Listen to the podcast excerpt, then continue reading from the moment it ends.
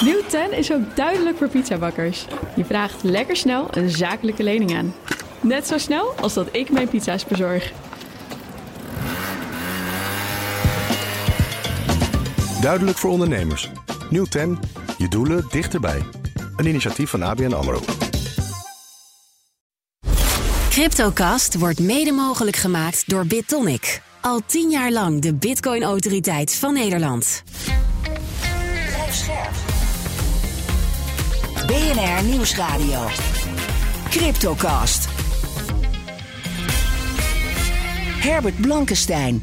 Welkom in de Cryptocast met vandaag een onderzoeksrapport van de Amerikaanse regering kraakt crypto, maar ziet ook wel belangrijke dingen over het hoofd.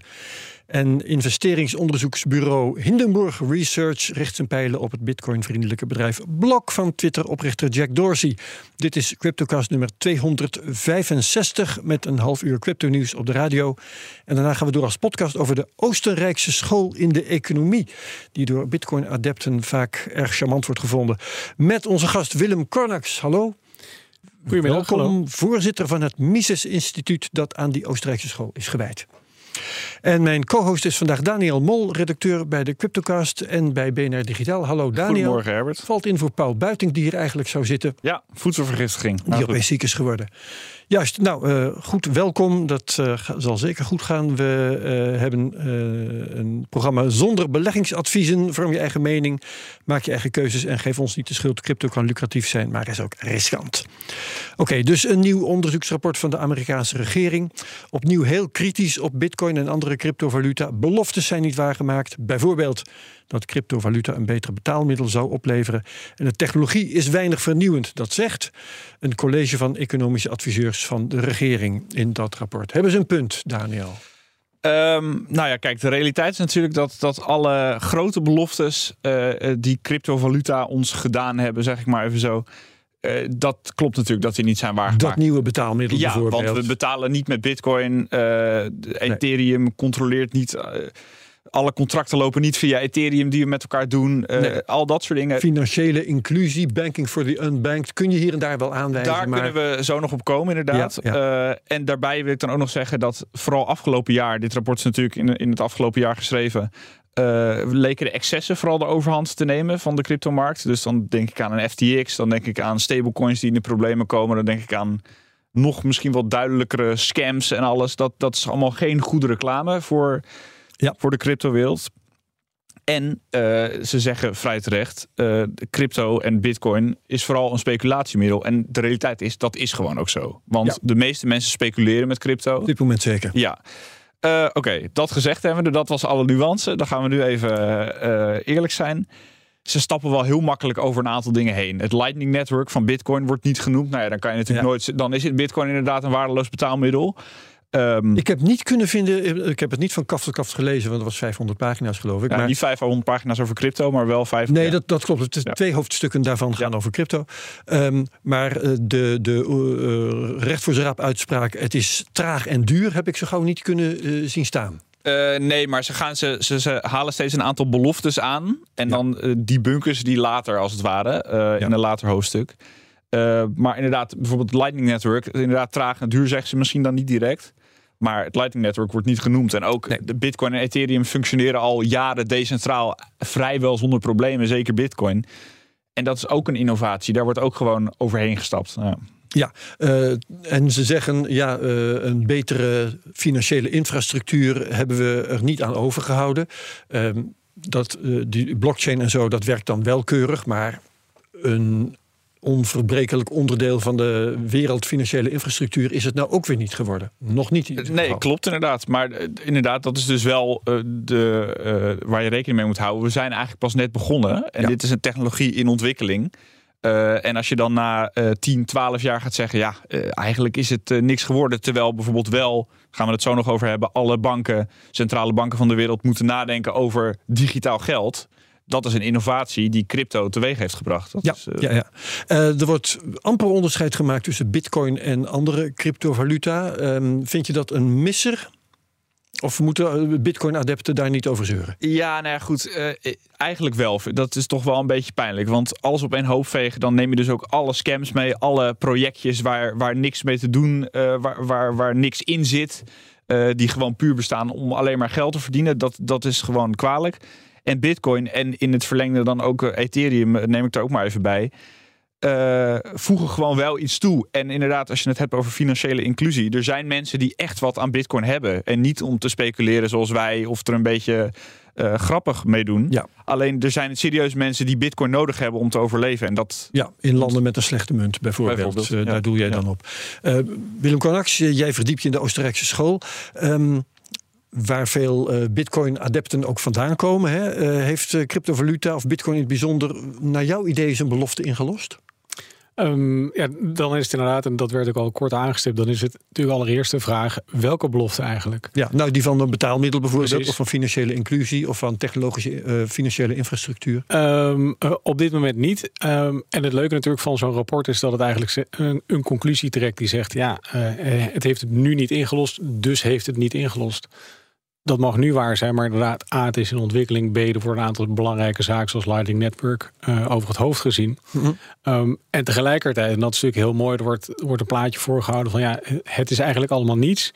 Maar kijk, we gaan wel tegelijkertijd eenzelfde soort technologie gebruiken om zelf zo'n product op de markt te brengen. De central bank digital currency. Precies. En uh, dat is eigenlijk een beetje de slager die klaagt over de buurman die ook slager is, maar dan vervolgens wel zegt: koop bij mij precies hetzelfde vlees. Ja. Ehm, maar dan met andere ingrediënten. Um, dus in, in dat opzicht zou ik zeggen, ja, tuurlijk, eens, beloftes zijn niet ingelost. Maar ook twee, wie heeft gezegd wanneer had die belofte ingelost moeten zijn? Had dat moeten zijn bij het uitbrengen van dit rapport?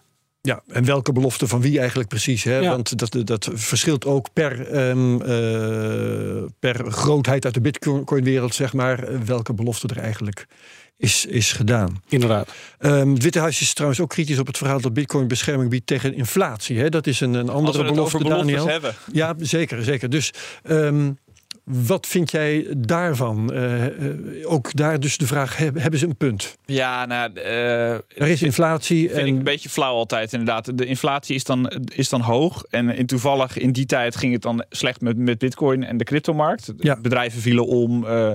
Onrust, bitcoin ging naar beneden. Ja, nou, logisch als je dan als bitcoin-criticus dat punt maakt. Ja, maar aan de andere kant zou je kunnen, zeg maar, als je het uh, fundamenteel bekijkt, dan zou je zeggen, bitcoin is op papier, net als bijvoorbeeld goud, dat misschien wel is, een inflatie-hedge, want de oplage van bitcoin is gelimiteerd, 21 miljoen. Ja.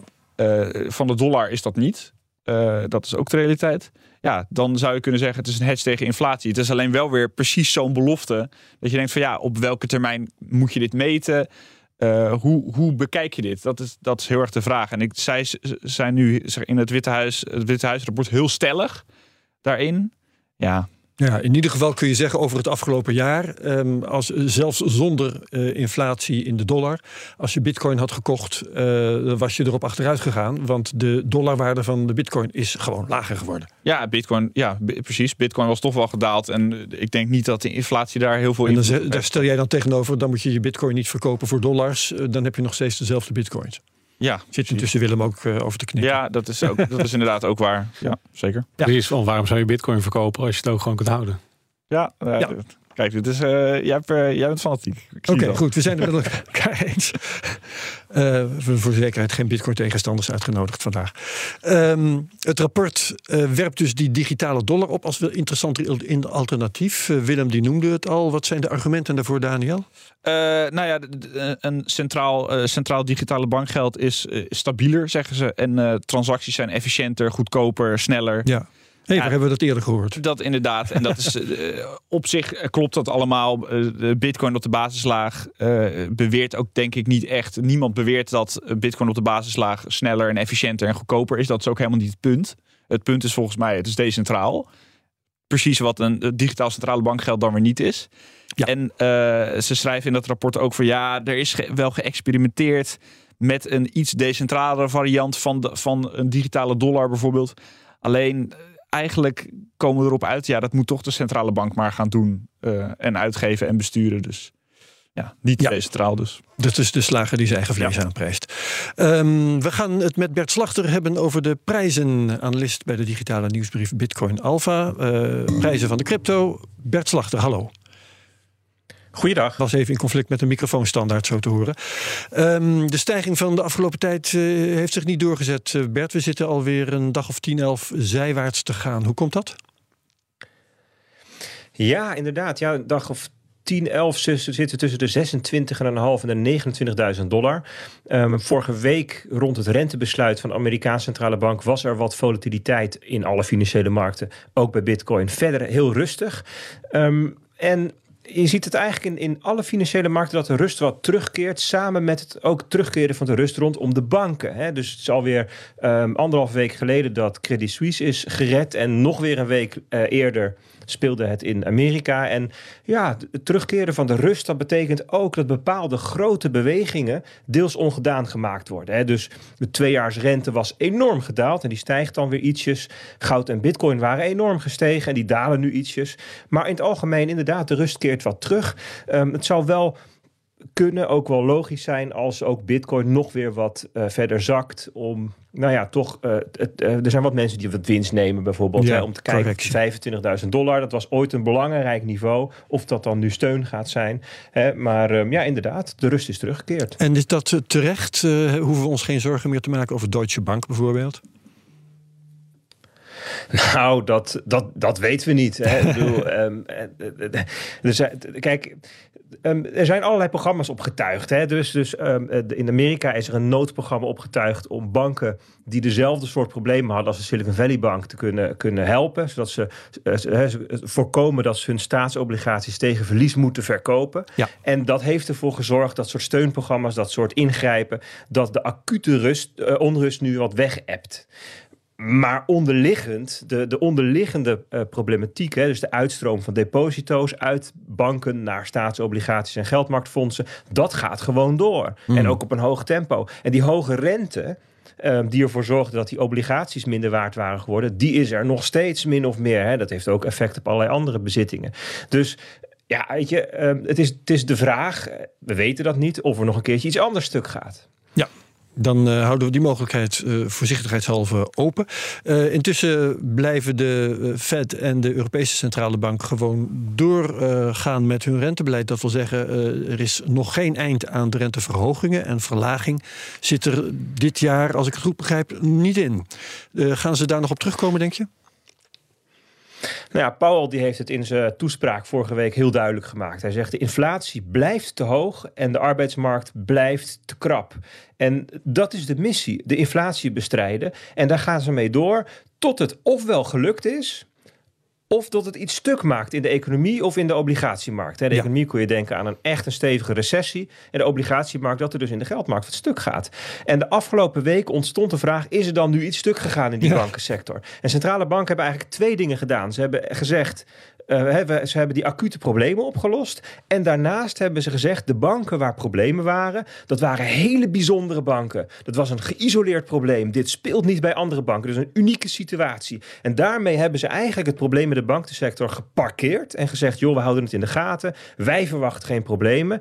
En dus kunnen we doorgaan met het verhogen van rente en het hoog houden van rente. En daarmee um, de economie te remmen. En nou ja, velen verwachten uiteindelijk in een recessie te brengen. Hè, dat veroorzaken ze hiermee met als enige heilige missie die inflatie omlaag. En ja, zij, zij verwachten zelf geen draai. De markt verwacht wel later dit jaar een draai. Omdat de markt namelijk zegt, joh, je kunt het wel roepen dit. Maar dat ga je niet volhouden tot het einde van het jaar. Want je gaat iets stuk maken. Nee, en wat... Uh is dan kort en goed voor jou de verwachting uh, van de cryptoprijzen voor, zeg even, de komende week? ja, nou, de komende week zou het realistisch zijn um, om verdere uh, rust of zelfs wat correctie te zien. Um, maar als ik kijk naar wat er onderliggend gebeurt, hè, dus welke, welk, wat voor soort partijen er kopen en verkopen, dan zie ik nog niet een instroom van, laten we zeggen, de, de lange termijn bitcoiners. Het zijn vooral de mensen die nu 60, 70, 80 procent winst staan van de bodem, die wat winst nemen. Um, dus het zou heel het is eigenlijk te verwachten dat als de situatie zo doorgaat komende maanden, dat ook Bitcoin wel verder stijgt. Oké, bedankt Bert Slachter van bitcoinalpha.nl. Meer details te vinden in de digitale nieuwsbrief al daar. De analisten van het gevreesde investeringsonderzoeksbureau Hindenburg Research hebben hun pijlen nu gericht op Block. Het bedrijf van Twitter-oprichter Jack Dorsey. Block heette voorheen Square. En de naam werd veranderd omdat het bedrijf steeds meer in crypto ging doen. Block ontwikkelt de uh, in Amerika populaire Cash App, onder andere. Daniel, um, welke kritiek heeft Hindenburg Research op Block precies? Nou, het is vooral inderdaad kritiek op de Cash App. Dat is ongeveer zo'n beetje de, de, de cash cow van, van, van dat blok. Uh, en dat is een, eigenlijk een soort PayPal-achtig systeem waar je heel makkelijk betalingen naar elkaar kunt doen. Je kan er ook Bitcoin mee kopen. Uh, waarschijnlijk ook omdat Jack Dorsey wel een Bitcoin-fanaat uh, is. Ja. Uh, en de Hindenburg zegt dus, nou ja, ze hebben zwaar overdreven hoeveel mensen dat nou eigenlijk gebruiken. Uh, het kost veel meer dan ze eigenlijk uh, doen beweren. En het faciliteert heel veel criminaliteit doordat betalen zo makkelijk is. Um, ja, en, en accounts worden ook niet terdege opgeheven ja, hè, als ja. dingen worden gesignaleerd. Ja, ja. en dus dit is best een, best een kritisch rapport. En het focust zich vooral op, op uh, Blok. Uh, of op Cash App, sorry.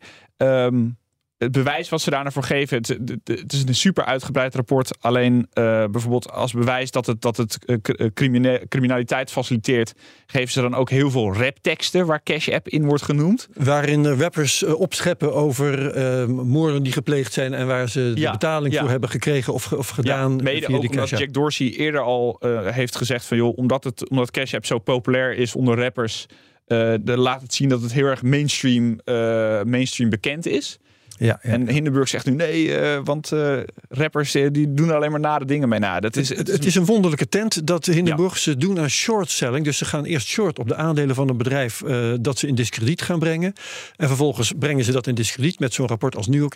Um, dat is, is dat een ethisch verdienmodel? Is het eigenlijk wel legaal? nou ja, legaal is het wel, want ze doen het al een tijd. En ze zijn er ook echt wel goed in. Dit is, je, je zei in je intro inderdaad gevreesd. Nou, dat zijn ze. Ze hebben de Adani Group, dat is een Indiaas conglomeraat hebben ze uh, uh, begin dit jaar aangepakt. Okay. En toen ging er 100 miljoen aan beurswaarde uh, ja. verdween. Omdat... En, en, en, ze uh, zorgen ook dat ze zelf echt belang hebben bij ja, zij... de kwaliteit ja. van hun werk. Want als ze slechte research doen en het is niet waar wat ze zeggen, dan gaan ze zelf verschrikkelijk ja, zij, speculeren dus op een koersdaling en dan gaan ze daarna proberen die koersdaling met heel veel onderzoek zelf proberen te veroorzaken.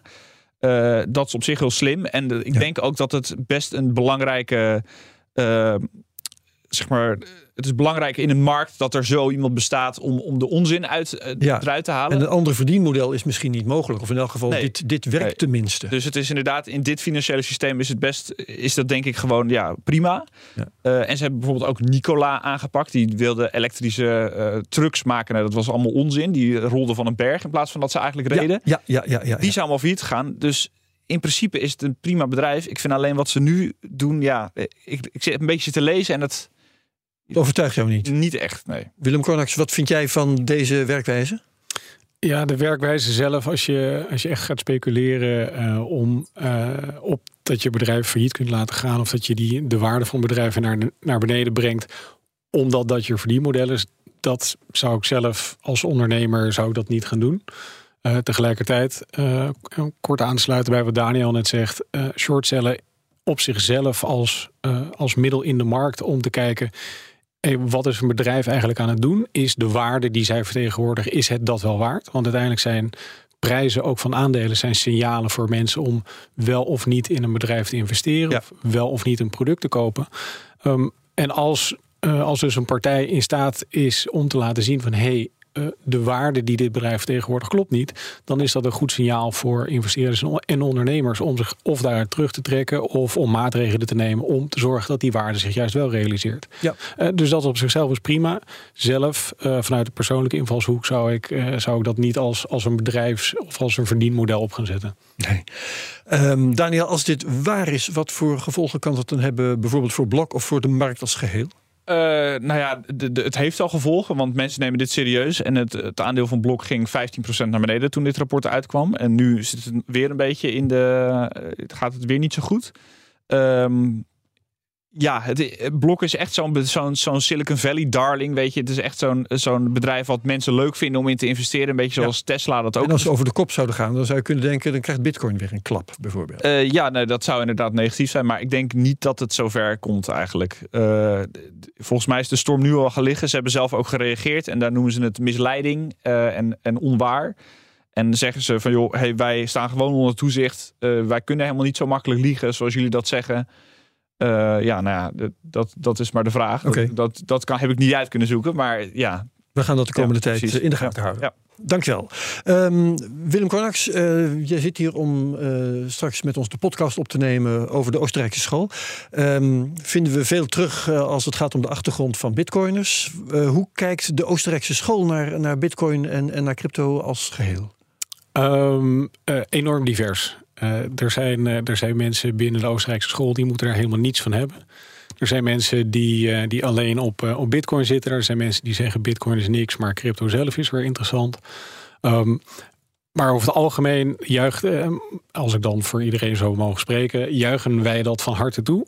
al was het maar omdat eigenlijk voor het eerst hele, in hele lange tijd, in meer dan 100 jaar, zeker ook in Nederland, uh, er nu de mogelijkheid is voor mensen om geld te gaan gebruiken dat niet per se door de staat gecontroleerd wordt. Um, nou, wat, zou, wat is een van de problemen met geld dat door de staat gecontroleerd wordt? Dat is eigenlijk gewoon een standaard monopolie, uh, economie, uh, basisprobleem. Namelijk, je creëert een monopolie. En de economische wet van de monopolie is dat dan uiteindelijk altijd op lange termijn de kwaliteit naar beneden gaat. Monopolisten misdragen zich. En uiteindelijk inderdaad dat monopolisten zich misdragen. En datzelfde zien we met geld. Um, en dus bij het ontbreken van concurrentie gaat uiteindelijk de kwaliteit van je product naar beneden. En dat, dat zien we nu uh, met geld gebeuren. Dus daarom is het mooi dat er een alternatief is waar diezelfde staat die dat monopolie al heeft, niet per se direct invloed op heeft. Ja, nou daar gaan we uh, straks in de podcast uitgebreid met elkaar over praten. Uh, wat zijn de eigenschappen van die Oostenrijkse school, de standpunten en hoe verhouden die, zich tot wat we vinden in, in bitcoin en in crypto in het algemeen. Dus wie mee wil naar die podcast, die kan dat doen. Heel graag. Uh, lukt dat niet, dan is het ook goed. Dan uh, volgende week graag bij BNR op de radio. Tot zover de Cryptocast op BNR. Tot straks bij de podcast, hopelijk. En anders tot de volgende Cryptocast bij BNR. Dag. Cryptocast wordt mede mogelijk gemaakt door BitTonic. Al tien jaar lang de Bitcoin-autoriteit van Nederland. Nieuw 10 is ook duidelijk voor pizzabakkers. Je vraagt lekker snel een zakelijke lening aan. Net zo snel als dat ik mijn pizza's bezorg. Duidelijk voor ondernemers. Nieuw 10, je doelen dichterbij. Een initiatief van ABN AMRO.